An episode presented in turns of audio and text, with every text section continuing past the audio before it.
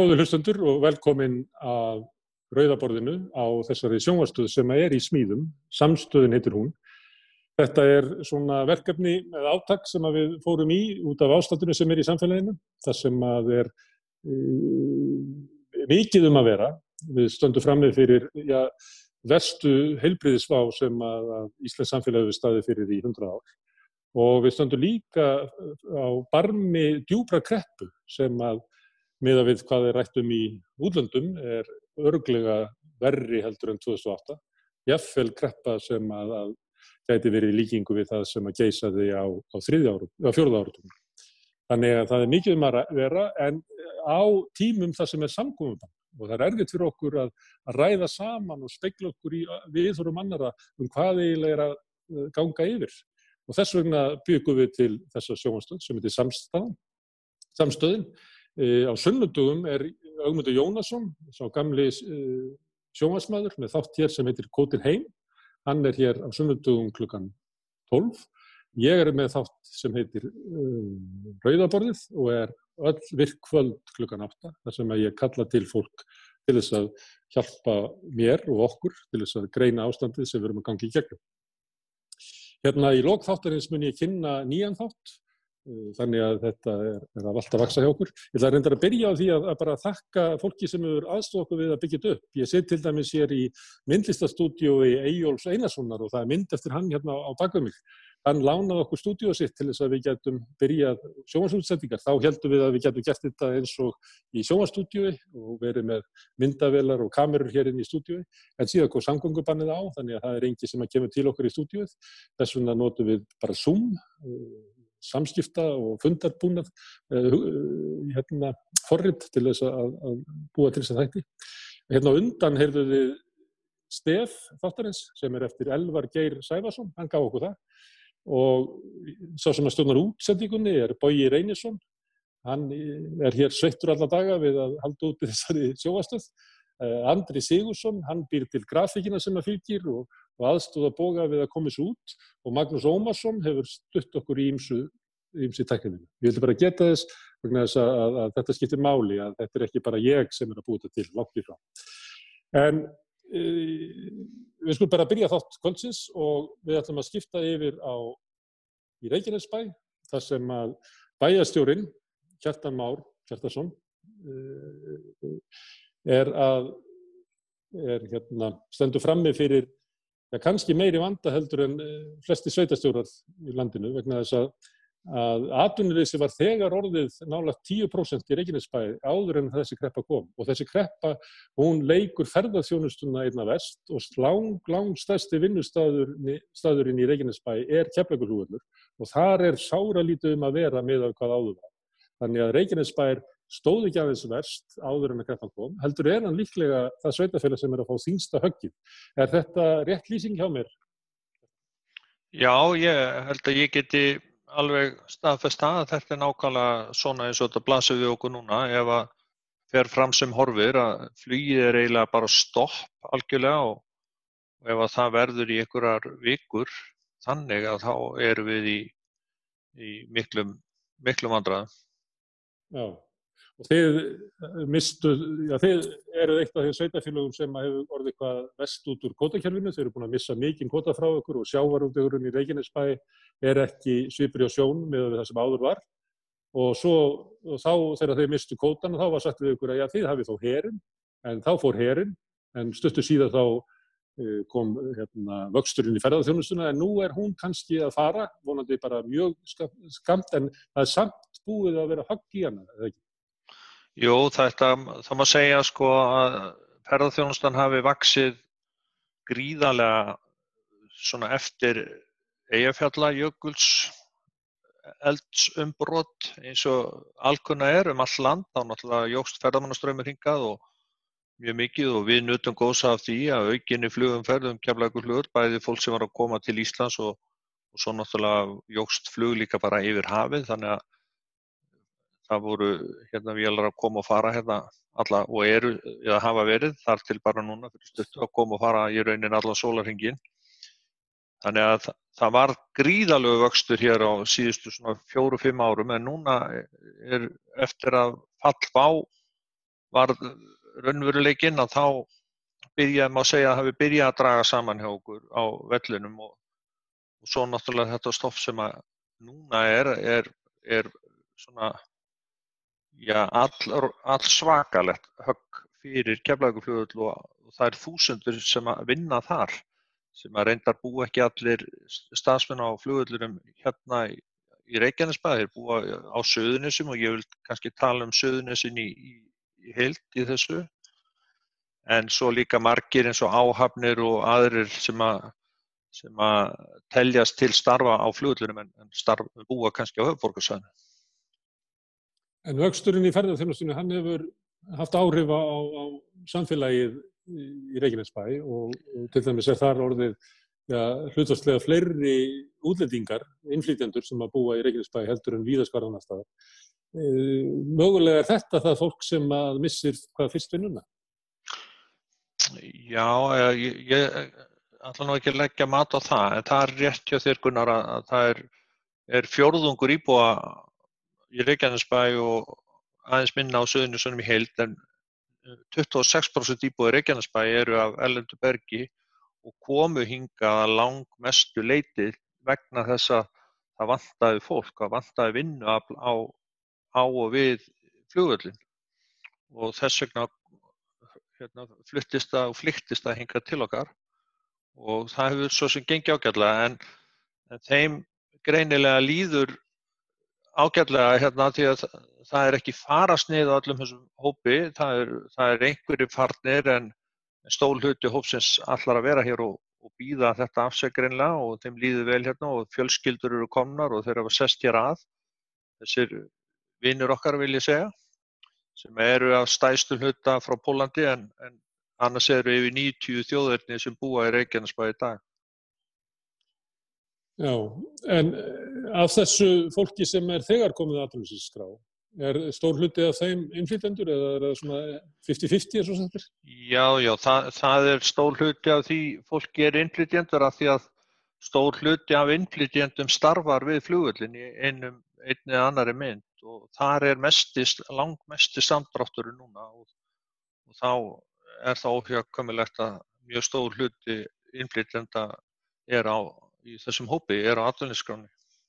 Hafið þið reynd að átt ykkur á því hvað atvinnisum getur orðið mikið til skemmri tíma? Segjum kannski um miðja mæ, hver staðan getur verið í Reykjanesbæk? Nei, sko þetta, þetta er bara að gerast núna þessa dagana sko.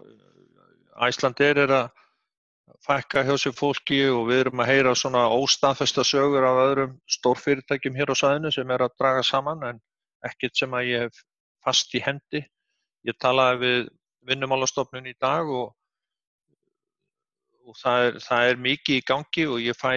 en ekkert sem að ég get hvorki ofinbera hér eða, eða staðfesta því þetta voru ekki staðfesta tölur en ég vona þeim á morgun frá vinnumálastofnun en það er ljóst að, að sko, staðan er gríðal alvarleg og þegar varnaliði fór hér með tildulega stöttu fyrirvara þá fór atvinnuleysi hér upp í 15-16% þegar vest létt og eins og þú komst að í ingangi að þá var atvinnuleysi fyrir þetta högg komið í 10% hérna bara vegna samdráttar á vellurum aðalega en mér svona mig grunar að það fari vel yfir 15 og ég vil nála 20%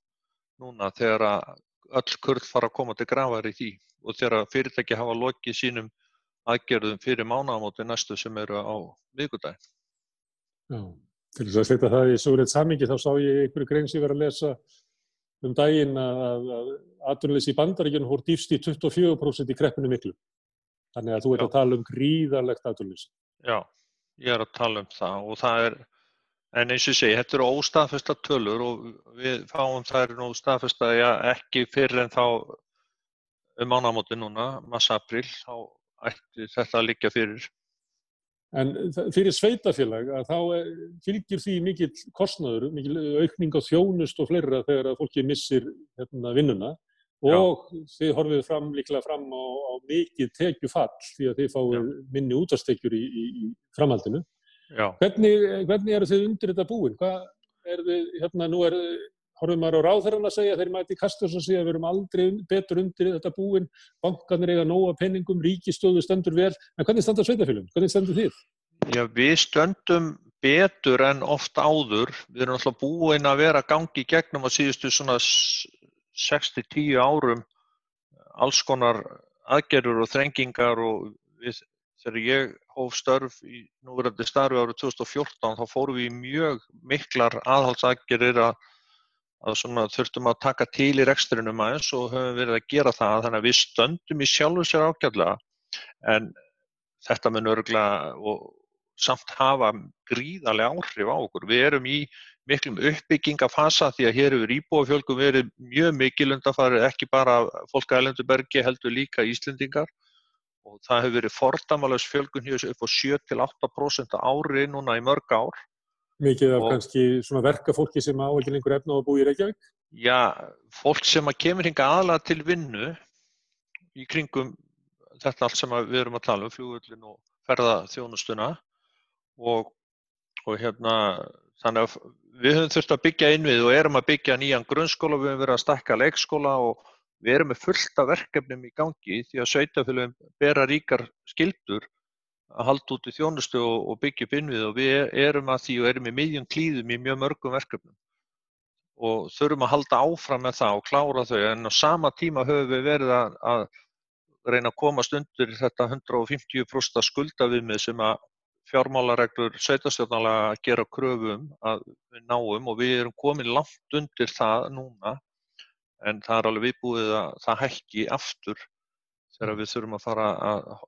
bregðast þessari stöðu sem að verið splasa við nú. Þegar ég satt og, og lustaði á ráðherran að kynna efnarsaðgerri sínar og laugadaginn síðasta, þá beigði ég eftir því að þau myndu nefna sveitafélagin, að, að ríkinn kæmi núna með 50 miljardar, 70 miljardar sem þau myndu leggja inn í sveitafélagin vegna þess að ríkisvaldið getur prenta peninga og getur eitt í krónum vegna þess að þau eiga gjaldmiðlin en það á ekki við um sveitafélagin og sveitafélagin fá mikið auka kostnað þannig ég beigð svolítið eftir því að kæmi svona, er þið nefnd, sveitafélagin eru nefnd en það kom ekki. E, væri eitthvað svona aðgerð ekki raunverulega eitthvað sem að sveitafélagin ættu að, að fara fram á að ríki kæmi vegna þess að ríkið hefur getuna til þess að, að, að búa til peninga í kreppu og það tekir bara orðið holdt og e, flestur eru saman um það, það sé bara holdt efnaðsaðgerð að auka peningamagni umfyrð, að eitthvað af þeim peningum er beint inn í sveitafélagin til þess að þau gætu mætt þessu áföllum? Við höfum núna um þryggjára skeið tekið saman tölur og verið að benda ríkinu og ráðunötunum, fagráðunötunum á það að þau þurfi í fyrsta lægi að huga að sínum stopnunum hér á þessu sæði og þeirri þjónustu sem að ríkinu ber að veita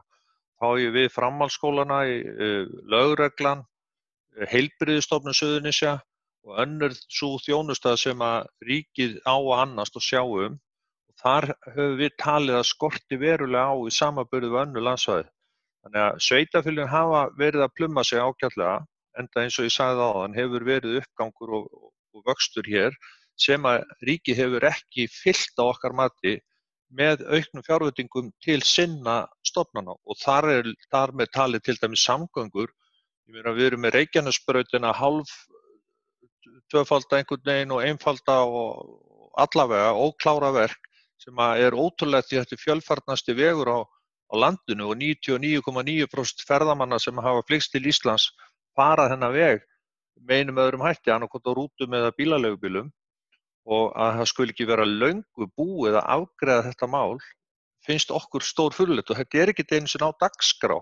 næstu var, árin. Var, var þetta ekki nefnt af þeim sem að ríkisvaldið ætlaði að setja í gang? Jó, jó bútur, bútur hérna, út við hérna, grísjögrálegjara og inn að, inn, að, hérna, inn í kúagerði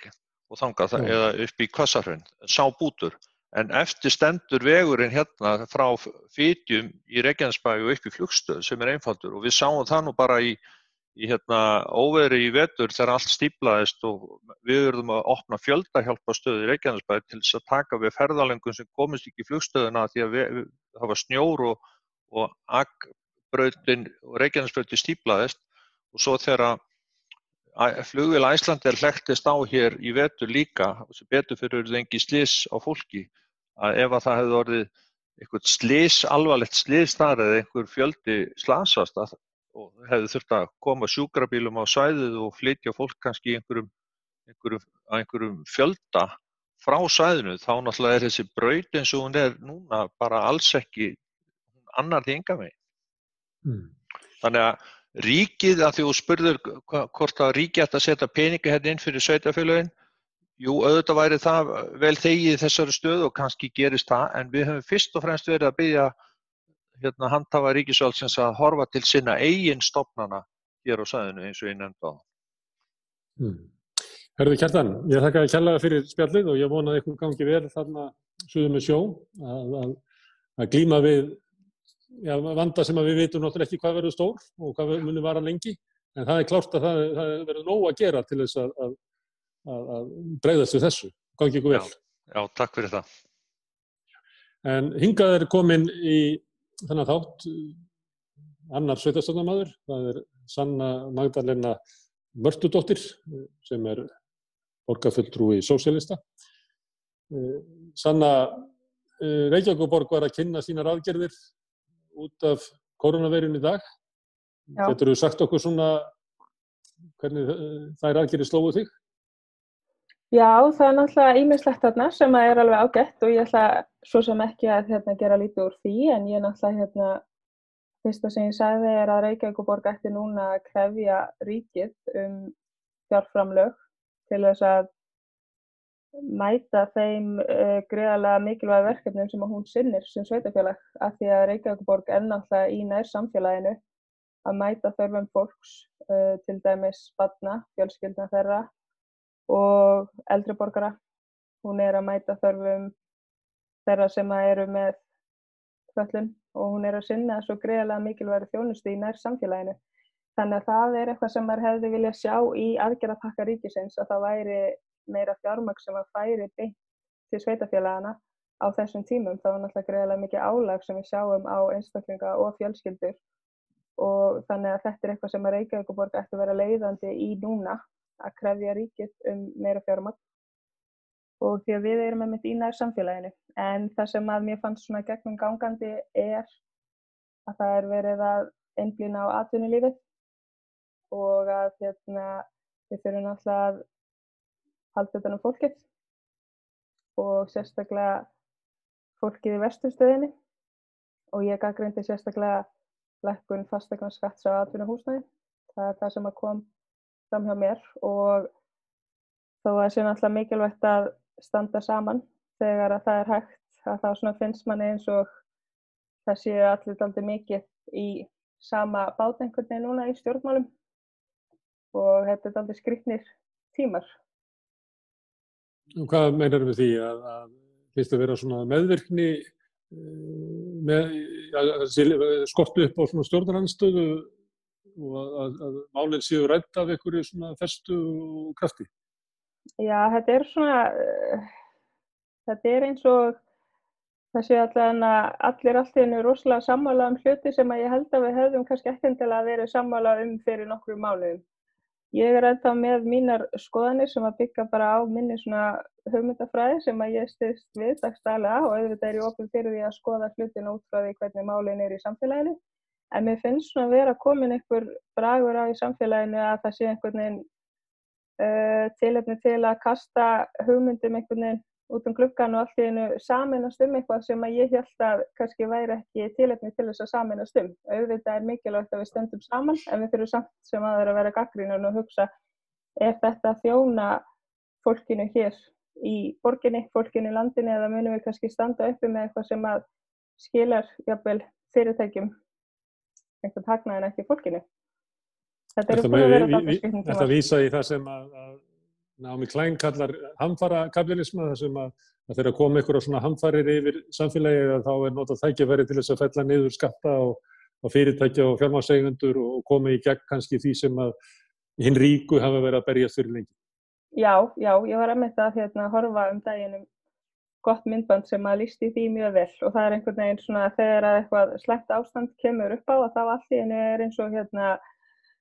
uh, hugmyndir sem að áður fyrr kannski hefði ekki verið samþýttar að sé allt einu tilöfni til þess að samþýkja þær. Og nú nýlega þá hérna uh, við erum núna að fara inn í þess að svo kallaða dimbilviku sem ásist staði kringum páska. Og uh, þá er hefð fyrir því að falla niður borgarstjórnarfund og það virkar þannig að í Reykjavík og borg þá eru 23 borgarföldtrúar og borgarstjórnarfundir eru að jafnaði fyrsta og þriðja hverja viku, alla þriðja dag, sem sagt einu sinni uh, tvísvar í mánu, afsakið, þetta er búið að vera daldið langur dagur. Og um, í ljósi aðstæðna þá sáum við ekki fram að borgarstjórnarfundur myndi vera í heilan mánuð og ég læði þess að til að við myndum fjölga borgarstjórnarfundum. Þetta eru svona nýjir tímar og mikilvægt að við myndum ræða málinn okkar á milli við borgarfulltrúar og halda uppi þessari umræðu og þessu samtali. En í staðinn að þá fær borgarráð heimildir borgarstjórnar. Nú borgarráð er ekki það sama á borgarstjórn, svo ég verði hérna mjög fræðileg og, og fræði fólk um stjórnsýstuna. Ég vona ég sé ekki leiðileg með þessu tali og þreyti ykkur ekki. En í borgaráði þá er ekki allir borgarfulltrúar og ekki allir fulltrúar flokkana hafi rauninni rétt til þess að hjósa til dæmis um tilöðunar og borgarstjórnarfundir eru opnið þannig að allir geta fylgst með og allir geta átt að segja á því hvað fer fram þar að meðan að borgaráðsfundir eru lokaðir og það má ekkert greina frá endilega ummælum sem aðrir segja, það er helst bara vísað í fundargerðir og svoleiðs sem er hægt að lesa yfir. Þannig að e, það er mjög leðilegt að sjá einhvern veginn að við séum að færa fundi inn í eitthvað svona afmarskat rými um að við séum að fela færri fulltrúum að taka rauninni ákvarðanir í staðin fyrir að við séum einhvern veginn að ömmit fjölkafundum eins og ég læði til í þjóðsæðastæðina halda þessu inn í þessu opna rými og einhvern veginn séum sammála um hluti sem að ég sé ekki að við hefum verið sammála um fyrir einhverjum vikum en það er kannski bara breyttar aðstæður. Birgitta Jónsdóttir var hérna í þættinum í gær þar sem hún gaggrindi mjög að stjórnur anstæðin hefur fallist á það að, að svona vestu því að senda þingið heim að nú starfar þingið bara við að afgreða tilugur sem að koma frá ríkistjórnini sem að hægt er að tengja beint koronafaraldunum og, og þeim, þeirri kreppu sem að honu fylgir. Þannig að borgarstjórnir er eiginlega búin að samtíka líka að eiginlega draga úr líðræðinu til þess að, að, að auka völd og vægi borgaráð sem er kannski ekki kannski alveg það sama og ríkistjórn en, en, en, en til dæmis stór hluti, hluti af borgarfulltrúum og, og, og þar er nefndið því fólki sem að kaust þig og, og flokk fólksins og miðflokkin og fleira þið hafið ekkert að segja inn í borgaráð. Við höfum alveg helling að segja og, og hérna, við höfum alveg fengið að taka þannig að ég hef fengið að taka þátt en nei, og svo þegar þetta er kynnt út af við að borgaráð hafi einhvern veginn hérna, allt samþygt þennan til að pakka þá einhvern veginn kemur út af við höfum allt samþygt þetta en ég samþykti ekki neitt og ég er ekki með atkvæðarétt og þannig að þetta svona skekkir rosalega ímyndina. Og eins og ég sagði á fundi á, í morgun, borgarásfundi, því að ég má greina frá ummælum sem að ég segi, að þá sæði ég mitt hérna er mjög stór aðgerðapakki með mörgum tillögum og mér finnist réttast að við værum að ræða þetta á vettvangi borgarstjórnar. Það væri mjög eðlilegt, þannig að þetta er svona gaggrinnin sem ég hef um þetta mála. Þetta er náttúrulega bara mjög stórt álefni sem varðar hag borgarbúa, þannig að ég finnst mjög skrítið að við séum búin að færa þetta inn á minni vettvang að kom ekki all borgarstjórn að þessari stefnumótandi ákvarðanatökum. Þannig að umræðin er umvel að flutt frá borgarstjórn þar sem eru opni fundir og fólk getur fylgst með yfir í, borgarráðs þar sem að þú mátt ekki svona vittna til þess sem að fer fram. Nei, ég má segja það sem að ég uh, hef að segja, ég má vísa í bókanir og, og það sem að kemur fram í fundagerðum og, og hérna gögnin og en þetta er sko líka hérna bara í ljósi aðstæðna og allir þessi magna tækni sem við höfum, það hefur maður haldið að maður myndið mitt vilja koma út úr þessu öflugar og sterkari að við myndum einhvern veginn vilja nýta okkur tæknuna. Það er einhvern veginn allt hægt í dag og ég hef búin að læra mikið af þessum forritum. Ég held að ég væri hérna, mjög öflug í tækninni en ég bara hérna, er að læra fullt af nýjum hlutum. Þetta er bara magna að geta nýtt sér þetta. Þannig að þetta ekki að vera Já, og við erum búin að búa til sjónvarstöð upp úr Zoom, þessari tekni, sem er hér sem fólk er að nota í, í, í fundum. En Sanna, ég ætla hérna, að þakka þér fyrir vegna þess að þú endar á áhugaverðum punkti sem ég ætla að fá að tengja inn í næsta viðmælenda. Þannig að við höfum örglega eftir að heyrast aftur í þessu þætti. Takk fyrir. En uh, það er einmitt þessi hugmyndum að, að þegar að koma háska tímar að þá sé dreyið úr upplýsingum til almennings, það sé dreyið úr ja, líðræðinu og það er mál sem að mér langaði til þess að ræða við Allathór Fandal sem er fyrverðandi blagamæður, býr út í miðri Evrópu og er landskunnur gaggrínandi á fjölmjöla. Hvernig, hvernig finnst þér fjölmjölandi standa sig á þessum háska tímum allir? Já, sko, maður verður nú reyndar talsveit minna gaggrinn á fjölmjöla eftir að maður hættir að vinna við það, heldur en áður, sko. En svona heilt á litið þá, hérna, uh, held ég að upplýsingar, eða þess að þú hefur veru getu alveg til að ná góðum upplýsingum og, og hérna, og með því að fylgjast svolítið skipulega með. Um, mér eru fundist kannski vísir og, og, og rúf standa sér best og, og morgunblæði svona í því að vera með svona frettir sem að er svona að vera svona fjölmilar off the record sko, þú veist bara nýjustu tíðindi og hvað er að gerast og slíkt. Frettir frá, eiginlega frettir frá stjórnvöldum og sótarnariðvöldum og öðru slíkur, það er, fer ekki mikið fyrir svona gaggrínu umræðu þarna? Uh, nei, sko það kannski hefur ekki, mér hefur kannski ekki til að fundist það svona upplöfast hjá þeim en, en það má samt ekki gera lítið úr í raun og þörfinni á svona það sem við kalla paper of record, það sem að þú raun og fær tilkynningar og annars líkt. Um, sko mér er, uh, ég skal reynda að segja sko að hérna,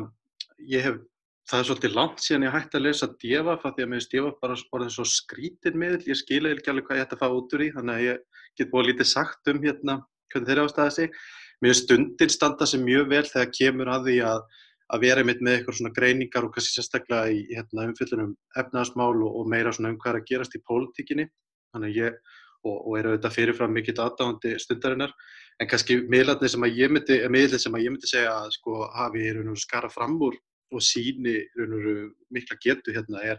er greipvæn, þeir hafa sagt eh, nálgast þetta tómarum sem að er og, og skipulagsleysi og kannski skorta og hugsun með það að veita erlendum ríkisborgurum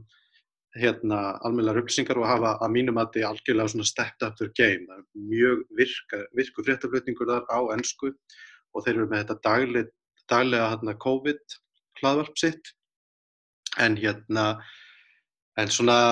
uh, ég meina heilt á liti þá náttúrulega sjáum við bara að hérna þennan sa sama styrkleika íslenska fjölmjöla á alltaf við. Íslenski fjölmjölar eru góðir í að framlega mikið magn og rætt uh, þegar kemur að greiningum og svona kannski að spotta sniðu af fréttir þá kannski hérna hægist aðeins af því og, og sérsagt svona í raun og veru góðri viktun og framsetningu á hérna upplýsingum uh, eru íslenski fjölmjörur oft minna sterkir og svo ætla ég líka að fá að nefna að, að hérna kjarnan að þeir hafa staðið sig að mörguleiti vel í sérstaklega þá varandi efnas, hérna umfellunum efnaðasmálinn sem fylgja þessu. Já, þannig að þú ert bara nokkuð ánaður með íslenska fjölmjöla á þessum háska tímum. Um, já, sko, já, í raun og veru, vegna þess að við skulum hafa það í huga að jafnveg á þeim stuftatíma sem að, hérna, er liðin frá því að, að við hættum báðir í bladamennsku eða þess að ég hætti, að þá hefur hérna, starfsasta fjölmjöla á Íslandi og bladamanna vestnað verulega og eins og ég segi sko veikleikin eru þetta skortur á, á kritík og, og hérna, greiningu en, en hérna, þeir eru algjörlega standa undir þessu hlutverki sínu að, að í raun og veru hérna, koma upplýsingum áfram. En, en hins vegar eiga er það svolítið til að að, hérna, að detta til dæmis í þetta sama far og gerist ofta einhvern veginn að, að því einhver skrifar einhver að finna grein um svona sérfræðinga á internetinu þá er einhvern veginn allir settir undir þann hattinn og svona einhver krafa um það endilega að, að hérna, það sé ekki spurt gaggrind og annað slíkt sem að er að mínu viti ekki góð. Og fjölmjölar eiga bara, eða þú veist, íslenski fjölmjölar eru bara oft fljóttir að fara í þetta vegna þess að við erum samfélag sem að bara er mjög svona innbyrðis líkt og við erum bara, þú veist, þrátt fyrir allt treystum svolítið fólki eða okkar eigi samfélagi. En ég minna En byrju, gallin, má ég að spyrja það aðeins allir, Já. við séum öll lík, þú nefndir á þann greipvæn og það verið sérst, sérstökum fyrir þar vegna þess að þeir eru að ávarpa hóp sem er ekki ávarpar annar stað. Það er hópur sem að, að mörguleiti verður eiginlega fyrst fyrir högginu, það er fólk sem er óörugt, býr, eh, er flest eh, hérna, með lítið umleikis, hefur lítið bakland hérna, eh, missi vinnuna, missi tekjurnar, er í, oft í harkla, hark hérna, hunnumarkaði, Mm. er veikt fyrir og þess vegna er kannski umfjöllun greipvæn svona ábyrrandi næ- nær einhvern veginn að ná kjarna vandans á meðan Já. síðan er og við, í þessum þáttum hefur verið að ræða við hérna, fólk sem er að glíma við fátækt og eru talsmenn fátæksfólks, láluna fólks og, og leyenda og það fólk er svona almennt upplifir það ekki það að umfjöllun fjölmiðla sé endilega að tengjast þeim málum sem að það hefur áhuga á það, hefur, það brennur fyrir og ef Já. þú ert að tala um að við séum öll svo lík ég er, ég er bara, bara ég held að það sé bara langt því frá að við séum öll í sama bát með sömu hagsmunni ég, Já, já, það er langt því frá. já, ég mig er alveg á því að, fyrir. að fjölmiðlanir hins vegar, þeir tala eins og við séum þannig. Til dæmis ráðamenn koma fram og ráður að tala um að við höfum aldrei haft það eins gott, kaupmáttur aldrei verið jafn góður, við höfum aldrei hérna, heimilin skulda aldrei eins mikið. Þetta, fólk er ekki að ávarpa þá sem hafa þeitt fram lífið með smálunum og öðru slíku. Þannig að spurningin er þess að þú ert að lýsa því inn í hvaða veröld fjölmennin standa sér vel, er það ekki einhver leiti bara ímyndu veröld?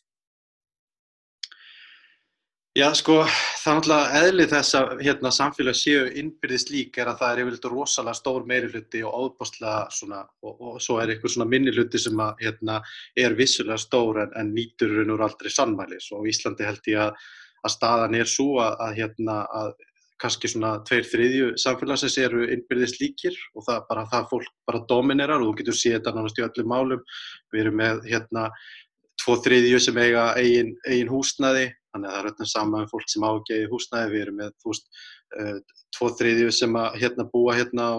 á, búa á höfuborgarsvæðinu og í kring, þannig að það er öllum sama um landsbyðirnar og við erum með hérna einn þriðja sem lifur á sulta launum en tvo þriðju sem hafa það frekar gott, þú veist, og það er það sem ég á við með að hérna þegar samfélagi svona innbyrði svolítið líkt, það, það snýst ekkit um það að allir séu eins, það snýst um það að hérna að svona hinn þöggli meiri hluti sem að er hérna þú veist, er bara hinn hliðin á því að tala um frekakallin sko, að það er bara fyrir eftir hvort þú ert stoltur að því að tilhæra þessum hóp eða ekki, hvort þú notar. Að hann, náttúrulega bara, hann, hann, hann er bara með slíkan massa í samfélaginu að hann svona kannski hefur ekki mikla þörf fyrir að hlusta á aðra. En, en eins og ég segi, ég ætlaði nú reyndar að fara hérna aðeins í það hvað með þetta mig að gera betur og svona hvað veikleika hafa, hafa byrst um, ég hef til dæmis, ég hef fyrir svolítið vombröðum með rúf, ég meina þau eru góð í því að koma með nýjustu fréttir og tilkynna og, svona, og segja okkur hvað yfirvöldar gera en ég meina en engin annar miðill hefur nú jafn mikla resursa þannig að sagt, skortur á, á svona greiningar getu á þeirri rittstjórn er hérna, það er bara pólitísk ákvörðun sko, hvort sem hún er meðvitið eða ekki, það er engin, það er engin svona fjára, eða þú veist, þú getur ekki talað um eitthvað skort á resursum þar í samanbyrði við aðra miðla. Ég hef líka verið ofsalega ánægð með ríkisjónvarpi hérna út í Tjekklandi þar sem að ég er, ég, eins og saðir þá bý ég svona eiginlega í báðum löndum. En er fastur hérna núna að þau tóku sér til og, og hérna skelltu bara í, í nýjan þátt á ennsku sem er bara uppfærar á hverjum degi og er á Facebook og fengur svo bara svona samtök útlendinga og, og, og hérna fyrirtæki sem að þjónusta útlendinga og annað slíkt þess að sjá til dreifingu. Og þetta er bara mjög einfalt format og segir okkur bara nákvæmlega sem við þurfum að vita um þar aðgerð sem er í gangi og þetta hefur verið sko, þetta hefur hjálpað gríðarlega. Uh, og þetta til dæmis finnst mér rúf standa sig bara einfallega illa í og ég meina hvort sem við séum með hérna COVID eða annað slíkt að þá hérna á þessi miðl að vera löngu farin að sko a þjónustæðinan hóp og, og bæði enska og hérna á ensku og þá líka pólska hérna innflindur sem eru bara okkar stærsti hópur og B fara auðvitað í meira samstarf með þeirra fólki. Við erum með, ég meina það er ekkert mál fyrir þau að taka upp einhvern netþátt fimm minútur á dag með nýjustu tíðindum á pólsku vegna þess að það er einfallega til síða á Íslandi sem er rekin af fólki sem tala pólsku og íslensku. Þannig að þú veist, samstarf þarna á milli væri mikið, væri eðlert. Ég meina við sjáum líka til dæmis í umföllunum um hérna efnaðsakir borgarinnar eða hérna viðspilni borgarinnar sem að ég telur reyndar góðar aðgerðir og, og sá að flestir tóku svona undir það og það vantarlega þarf að góða meira. Að, hérna, að það vantar ákveðna, það er ekki kostun á þessu öllu og fjölmiðlar hafa ekki verið duglega að vekja aðtegla því að, ég minna, hérna, hvað kosta ákveðnar aðgerðir hérna, það er nú ekki mikið að upplýsingum enn sem komið er í hérna kynningunni uh, að öðru leiti, ég minna eins og ég bent á í viðtali hjá Harmageddon og, og ég alveg er, er alveg gátt að er á, er að sko aðgerðin þessar ríkistjóðu tilkynnti, það eru pólitísk yfirlýsing um það að það áláta ferðarþjónustunar gossa. Og það er einhvern veginn ótrúlegt að það sé engar sko, það sé ekki meira í umræðinni það, þannig að hérna Nú uh, að þetta sé ekki sértakar aðgerið til þess að hjálpa að ferða þjónustu fyrirtækjum eins og til dæmis bandarísku aðgerinnar, það sem er sérstaklega nefnt að, að, að styrkja hótel og fleiri sem að verða fyrir miklu áfalli, en hér eru þetta umvel almennar aðgerðir sem að, að ja, eru alveg speint fyrir kvikubanka eða samerja eins og ferða þjónustu fyrirtækjum. Já, sko að í ljósi uh, starðarferðarþjóðstunnar, hvað við erum háðinni og hversu mannafsveg hún er og hvað við erum búin að missa mikið af störfum, hvað er eitthvað 4.000 störf sem að hafa horfið, hurfið með falli vá í þeirri, þeirri grein, 3.500 eða eitthvað slíkt, að þá hérna segir sig sjálft ef maður þekkir eitthvað til að skilur eitthvað í pólitík að, hérna, að aðgerða pakki upp á 0,1% af landsframlýslu fyrir geira sem að er sko tæmlega nýju prósta landsframlýslu og, stærsti atvinnureikandin eða svona fjö, eitt fjölmennasti atvinnureikandin auk þess sem að svo brúarlánin og fyrirgræslunar og frestannar uh, eru þannig uppsettar af fyrirtæki sem að þegar eru í fjárhagsvanda eigarunur ekki að hafa getur til að fengi þetta eða fá þetta og ferðarþjónustu hefur verið í vanda núna undarfæri ár uh, þá hérna ætti það að blasa við og það bara gerir það, að blasir við og það stendur ekkert til að bjarga því sem bjarga má í ferðarþjóðstöru. Það er búið að taka ákveð, þetta er bara ákveðnum það að forna svona minnstu fjölskyttufyrirtækjunum þar. Það getur vel verið að það sé rétt. Er þetta aðgerðir til þess að henni starri geti sópað upp inn á minni? Það hljómaði alltaf þannig að, að það fyrsta sem að Bjarni Berindursson sagði var að,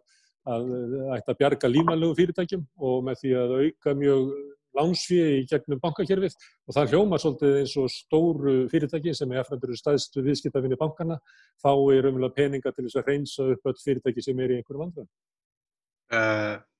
já, það, hérna, ég sko vættalega verða nú tilkynntu meira því að það er, hérna, uh, ég ætla að vera svo bjart sýtna átt að, að trúa því ekki að íslenski yfirvöld haldi í alvörun að þau geti farið í einn minsta stimuluspakka Evrópu verandi með hagkerfi sem er uh, háð geirum sem að er að fara alveg sérstaklega ítlóta, ekki bara að færa þjónustu heldur, matvæla, hinnaði og annars líka. En hérna, uh, þannig að vonandi verður nú eitthvað að fara í eitthvað annað, en ég meina, uh, það er náttúrulega mjög flott aðgerð, þessi hérna launa aðgerð, um, hvort að, um, hvort að henni stóru og henni ríku muni geta stó, sti, hérna, svindla svolítið vel á þessu kerfi, alveg bara absolutt, það bara fylgir því því miður þá erum við hinn bara í þeirri aðstöðu að það er dýrara fyrir okkur að, að láta þau ekki stela heldur en að, eða sérst, ger ekki neitt heldur en að bjarga þeim og, og það verði svona eitthvað svona leki. En, en hérna þarna til dæmis gætu fjölmilar farið í að, að velta fyrir sér hvers vegna er ekki verið að ræða neinar leiðir hérna, svona mótvæðisakeri við þetta, ég meina einföld leið sem bara er á mjög vel við í dag og getur átt vel við bara á það sem er kallað svona stríðstímum, þar sé ekki fríðatímum, með til dæmis bara 50, 60, 70% skattur og argræslur, menna þá bara þá bara hérna kostnæður við að taka fjö út úr fyrirtækjum í staðin fyrir að fjárfesta, hækka laun eða ráða fleiri starfsmenn slíkur að það skiptir einhver máli þó að fólk gerir það og bara notu við það í einhverja innspýtingu. Herðu, ég heyri það allir, allir, ég heyri það því langar svolítið að tala um efnarsaðgerðir og, og, og svona pólitíkin í þessu. Ég fæði kannski að fá því setna í það. Já, en, en punkturinn átti að... samt að vera að fjölmjölar eru að standa sig að mínu viti mjög illa í þessu, sko, þessari við fjöld. Ég, ég hef búin að senda nokkra bladaminn og byggja þú um að taka saman samanburð á, á efnarspökkum ímisa ríkja til þess að við getum svona metið okkar pakka í samingi við það. Svona bara í mhm. beðinu sem að mér finnst svona eiginlega hefði verið sko sjálfsagt verkefni á öllum riðstjórnum síðustu viku en ég er mhm. alltaf að býða eftir það að komi, það bara kemur ekki. Já, kveikur reyndar var með ákveðtis hérna, samanbörð uh, en annars er ég sammála, ég hef ekki séð þetta annars þar. Herðu, ég þakka það fyrir, fyrir og við fáum örglega að, að heyra í þér aftur en Takk. nú ætlum við að skipta yfir í Kópavóin, þar er Sigurjón Magnús Egilson, hann er ennþá í sótkví en hann ætlar samt að stopna, byrja með nýjan þátt hér á samstöðinni í fyrramálið. Morgun þáttur miðjunar, mun það heita, og verður klukkan halv tíu í fyrramálið. Er það ekki rétt hjá mig, Sigurjón? Jú, það er alveg hárið. Klukkan halv tíu fyrramálið byrja, byrja verður fyrst í þátturinn, morgun þáttur miðjunar. Og ég ætla að byrja sjálfur nýkóðan frá Spáni, hef miklar áhengir ástandin þar, ég ætla að byrja að tala við Magnús R. Einarsson sem margir þekkja, var lengi útdagsmaður á Ríkisúttarfinu, bara í ára tíu, og aukþjóðs tónlistamæður. Ég ætla að byrja að tala um, um, um ástandið þarna ytra og síðan e, kemur til mér, e, verði í sambandi við, kemur ekki til mín að hittast engi núna,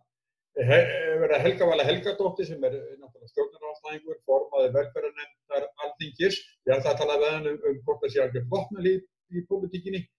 En svo líka var að fall áðan dómur í máli Guðjóns Skarpíðinssonar og Helga Vala tekki þau mál náttúrulega mjög vel og við ætlum að ræða það líka. Þannig að ég, þessi hálftími sem við erum í, í fyrramáli, að, að við verum alltaf að tala hrætt ef við ætlum að koma upp til fyrir. En síðan verð ég að segja annað. Að við verðum hérna, ég, ég verð líka á, á lögadagsmorgunum á sama tíma, hálftíu, og þá verður gestur minn Jón Danielsson, professor í, í í hægfræði við London School of Economics. Við töluðum mikið saman fyrir 12 árum, ég og Jón, og, og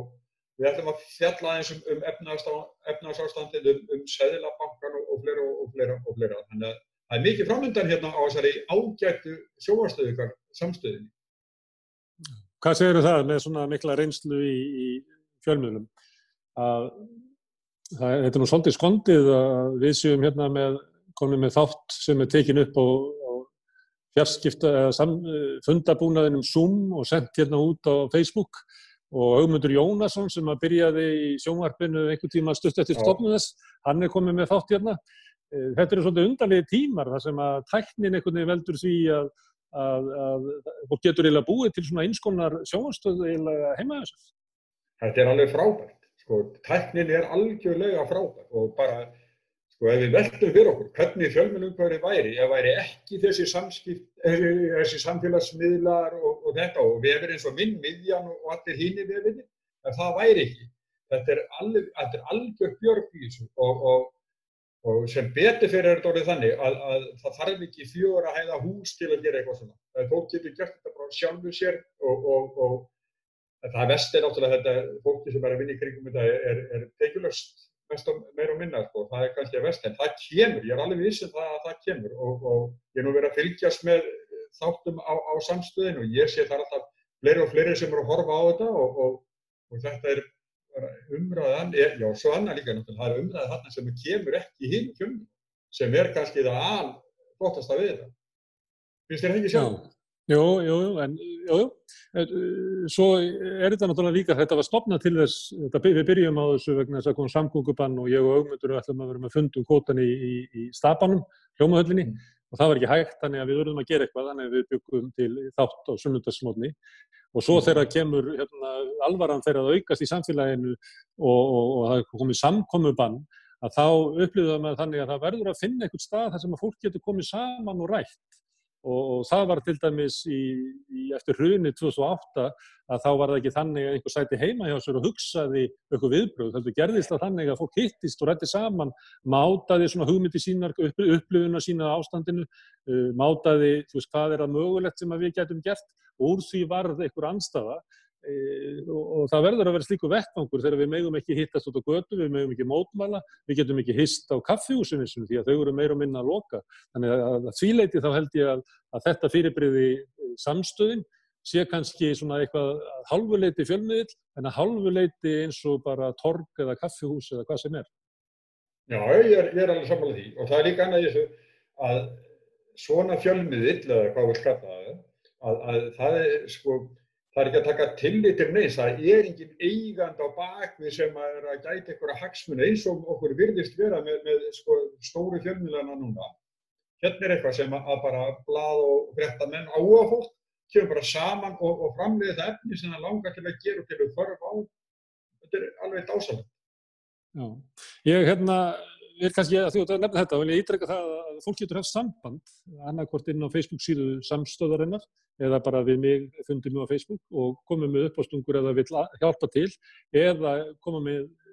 þátt hingað inn. Hvenar voru við að ræða það að þú getur verið með kannski þátt í, í fyrramálið, Sigurðan? Hvað langt séu við tölum um það? Já. Er, er það að tala um það? Hvernig við byrjum að ræða það? Já. Var, var það ekki í það var eftir átíð í dag. Þannig getur þetta gæst ef að... Já.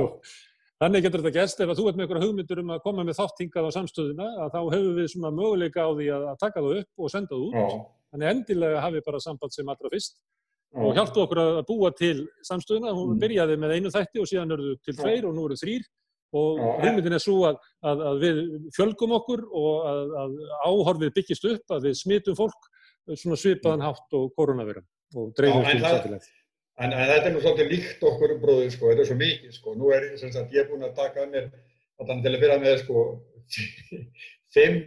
þætti í viku sem morgun þætti og svo einn á laugandi, þá er komin sex, þú ert daglega.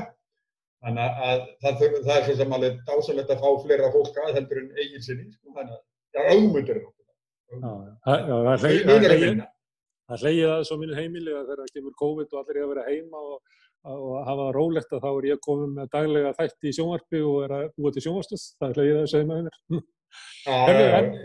en við látum þetta duga í kvöld. Já. Uh, samstöðin er næst í fyrramálið klukkan 9.30 þá byrjar nýr þáttur sem heitir Morgunþáttur miðjunar í umsón Já. Sigurjóns Magnús Egilssonar og hann verður, ég verð síðan aftur hérna á sama tíma annað kvöld klukkan 8. Sigurjón verður með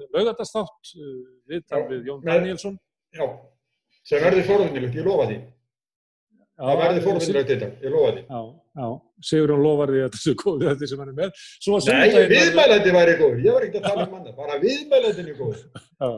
ég er að reyna að afkynna þáttinn, eh, sko Sigurjón er stóra bróður minn, hann er að grípa svolítið fram fyrir mér. Eh, Síðan á að síðan á sunnudaginn verður hérna Augmundur Jónasson með sinn þátt Kvotan heim og svo, já, ég lofaði að á mánudaginn verður örglega komin fjórði þátturinn eða eftir 50. En við þökkum kjallaði fyrir kvöld, hvetjum ykkur til þess að stilla inn á morgun klukkan 9.30 og svo aftur annað kvöld klukkan 8. Takk fyrir í dag.